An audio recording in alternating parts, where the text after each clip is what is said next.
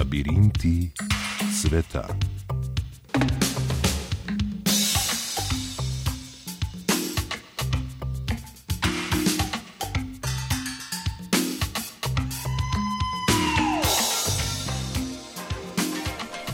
Eno leto je že, odkar se je ameriška politika umirila in postala bolj omikana. Vprašanje je, ali se je navzven sploh kaj spremenila.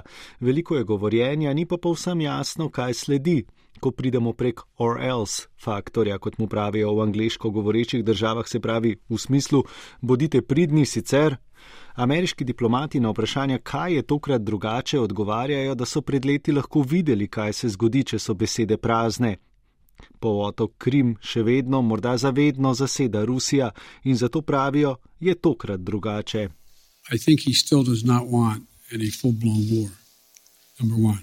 Predsednik Joe Biden je leto po prisegi pripravil dolgo novinarsko konferenco, na kateri se je z več zornih kotov loteval odgovorov na vprašanja, kaj če. Glede Putina je menil, da si ne želi odprte vojne, a da je več kot pripravljen nagajati, testirati Zahod, ZDA, NATO. Biden je temu dodal, da bo za tako ravnanje plačal visoko ceno, tako visoko, da si trenutno ne more niti predstavljati, kako visoka bo. Se pravijo, da ne gre za bahanje, če lahko svoje besede podkrepite, mar ne. A trenutno razen stališč ni nič drugega jasnega. Preizkušanje tekmeca, celo nasprotnika, je vendarle nevarna igra. V oblasti evropske bezopasnosti kritična, ona. Namestnik zunanjega ministra Rusije Sergej Rjabkov je dejal, da so trenutno varnostne razmere v evropskem prostoru kritične. Zato je Rjabkov ukrivil Washington in NATO, ki da zlorabljata Ukrajino kot vzvod proti Rusiji. I do believe that uh, there is uh, Я уверен, no risk of a larger scale что war. нету никакого Rjabkov риска na vprašanje tujih medijev dodaja, da ne verjame, da se obeta vojna v Evropi. Rusija si ne želi in ne bo storila nič agresivnega, je zaterjeval ter dodal, da ne bodo napadli ali celo okupirali Ukrajine. Že večkrat pa da so dali vedeti, da vse večjo integracijo Ukrajine v strukture NATO, čeprav brez formalnega članstva, razumejo kot grožnjo, ki zadeva v srce ruske nacionalne varnosti.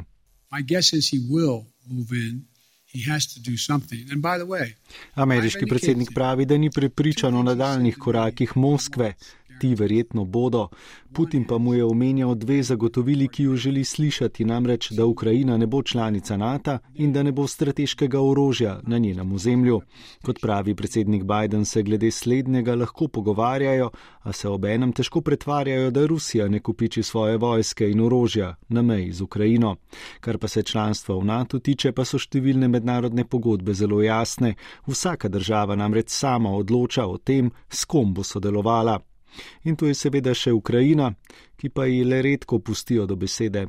Зараз всі новини та інформаційний простір сповнені схожими повідомленнями. Predsednik Volodimir Zelenski Zahod poziva naj ne bo jasen le v besedah. Dejal je, da se zaveda, da je trenutno polno zgodb o skorajšnji vojni z Rusijo, da bi se vojna lahko začela že jutri. A kaj so te vesti, se sprašuje Zelenski, to je vendarle realnost zadnjih osmih let. Se mar ni invazija začela leta 2014, je spraševal ukrajinski predsednik. Tveganje obstaja že nekaj časa in zdaj ni nič večje, le veliko več pompa je, je prepričan Zelenski. I've had five Republican senators talk to me, bump into me, quote unquote. Predsednik Biden se trenutno sooča z neuspehom pri spremembah volivne zakonodaje. Za neuspeh krivi tudi zastraševanje v republikanski stranki, kar ne bi počel nekdani predsednik Trump. Kot je dejal Biden, se je v zadnjih dneh pogovarjal s petimi republikanskimi senatorji, ki so mu priterjevali, se z njim strinjali, a končali pogovore z besedami. Poslušaj, Joe, če storim, kar predlagaš, bom na primarnih volitvah poražen. Biden meni, da je treba s tem opraviti. ZDA so po enem letu bistveno bolj predvidljivega predsednika še naprej krepko razdeljene. Za opazovalce je nedvomno fascinantno spremljati dve realnosti, ki ustrajata, če tudi tvorca tiste prirejene ni več v beli hiši. Več let nakladanja, dezinformacij ter sprevračanj in poskusov utišanja resnice pač pusti posledice. Nekaj podobnega se dogaja v Evropi, dokaz je bil Brexit, dogaja se nam, saj se nam skozi napol priprta vrata vračajo poskusi možnosti nadzora, metode zastraševanja v smislu, saj veste, da vas poslušamo. Vse skupaj je metodološko sicer na otroče preprosti, neuki, neumni ravni, a je ravno prav gnusobno, lahkotno in sladkobno, da sproža čustvene odzive najbolj opredeljenih, ter deli ljudi naprej, utrujene od pandemije in iskanja logike o pogosto nelogičnih, nesmiselnih ali celo neustreznih ukrepih. Predstavljajte si, da se redno testirate zaradi varnosti, a to počnete v zaprtem prostoru, kjer z vami čaka nekaj deset ljudi. To je to, to so ti duše brižniški pristopi, ki nimajo smisla in so izvedeni na način, da se vsakomur z razumom uprejo. Tisti, ki nadzoruje preteklost, nadzira prihodnost, je pred leti v kultnem delu 1984 zapisal George Orwell in dal vedeti, da tisti, ki obvladuje sedanjost, lahko nadzira preteklost. Obvladovanje sedanjosti je cilj in sredstvo, politika pri tem ne izbira urodi, resnica je pogosto, prepogosto, v napoto, dostojnost pa očitno pozablja na vas v puščavi. Tonight. There's a man in the shadows with a gun in his eye and a blade shining no so bright. There's evil in the air, there's thunder in the sky and a killer's on the bloodshot streets. Eden od tistih, ki mu je resnica v napoto, je verjetno britanski premijer, tako ga je ošteval vodja opozicijskih laboristov Keir Starmer. First he said there were no parties, then the video landed, blowing that defense out the water. Najprej je dejal, da ni bilo zabav, potem smo dobili video dokaze in obrambe ni bilo več. Potem je dejal, da je zbolel, na to je govoril, da je jezen zaradi zabav, dokler ni postalo jasno, da se je sam udeležil vrtne zabave na Downing Streetu. Potem je minuli teden govoril o tem, da se ni zavedal, da je na zabavi, česar mu presenetljivo mar ne, ni nihče verjel. Ta teden ima novo obrambo, čež da ga ni nihče posvaril, da so take zabave bile nezakonite nihče mu ni povedal. Glede na to, da je predsednik vlade, ki je pravila zaprtja med epidemijo zapisala, kako si sploh lahko predstavlja, da bo tak izgovor deloval.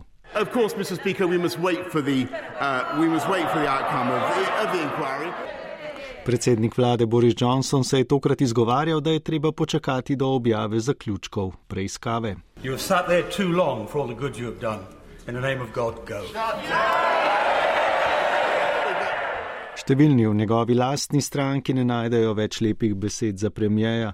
Nekdani pogajalec za Brexit David Davis je dejal, da od voditeljev pričakuje, da bodo odgovorni za ravnanja, ki jih storijo. To, kar počne premije, je nasprotje od teh pričakovanj. Zato je Johnsona, ki naj bi se zgledoval po nekdanjem premijeju Churchillu, spomnil na citat, ki ga je izrekel Leo Emery, predhodniku Churchilla, Nevilu Chamberlainu: Glede na to, koliko dobrega ste storili, ste v teh klopeh prebili preveč časa v imenu Boga, odidite.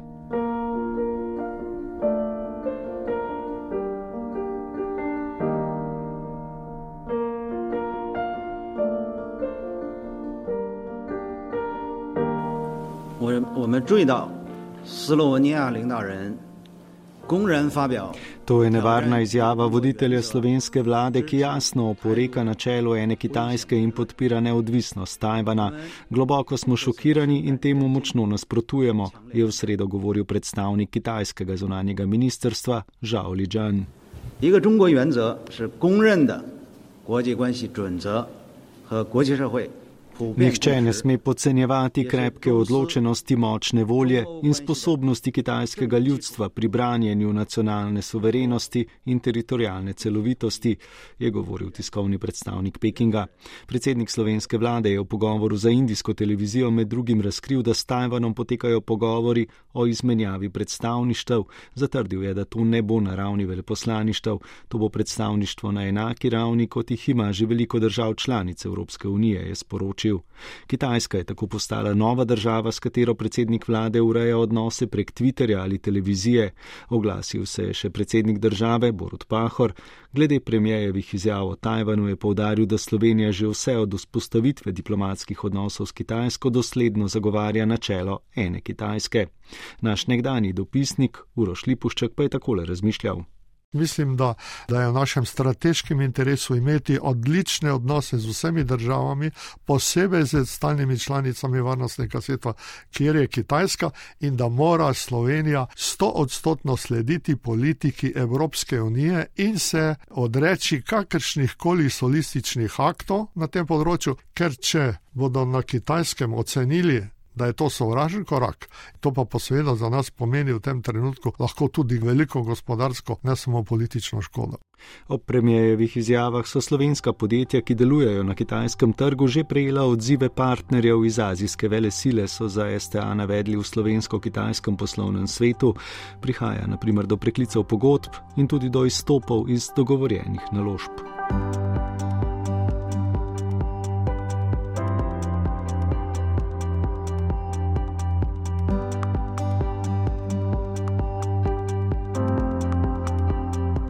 Evropski parlament ima novo predsednico, Roberta Metzola z Malte, je komaj tretja ženska na čelu te evropske institucije, pri 43 letih najmlajša doslej.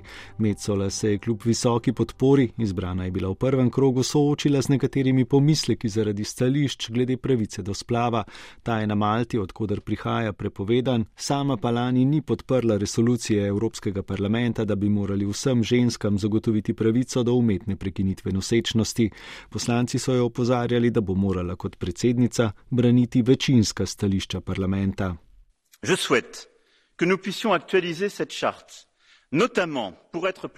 V Strasburu je pristope predsedujoče Uniji v tej polovici leta predstavljal francoski predsednik Emmanuel Macron, ki je pozival poslance na razmislijo o tem, da bi skrb za okolje ter pravico žensk do splava dodali med pravice, ki jih ureja listina o temeljnih pravicah. Que l'état de droit serait au fond une invention de Bruxelles. Na hitro se je lotil tudi samo svojih razlagalcev vladavine prava z vzhoda, dejal je, da spoštovanje vladavine prava ni ravno odprto vprašanje, a da je dal vedeti dotičnim, da vladavina prava ni neka arbitrarna odločitev Bruslja ali iz Bruslja. To ne drži, pravi Makron in razlaga, da gre za posledico skupne preteklosti. Pred približno stoletji smo imeli v Evropi revolucije, ljudje so se znebili totalitarizma. Vladavina prava je dragocena, Mimo grede, Evropska komisija je v sredo od Polske zahtevala plačilo skoraj 70 milijonov evrov kazni zaradi nespoštovanja odločitve sodišča Evropske unije o ukinitvi delovanja sodniške disciplinske zbornice. Sodišča, mediji, nevladne organizacije, ženske so tarče. Brusel je prikazan kot nekaj slabega, ukazovalnega, kot zunani sovražnik. Ja, dobrodošli v teh klopeh vsak dan znova, ne nujno pri nas, ne nujno samo drugot, pa toliko dobrih namenov in zabave, kaj ne.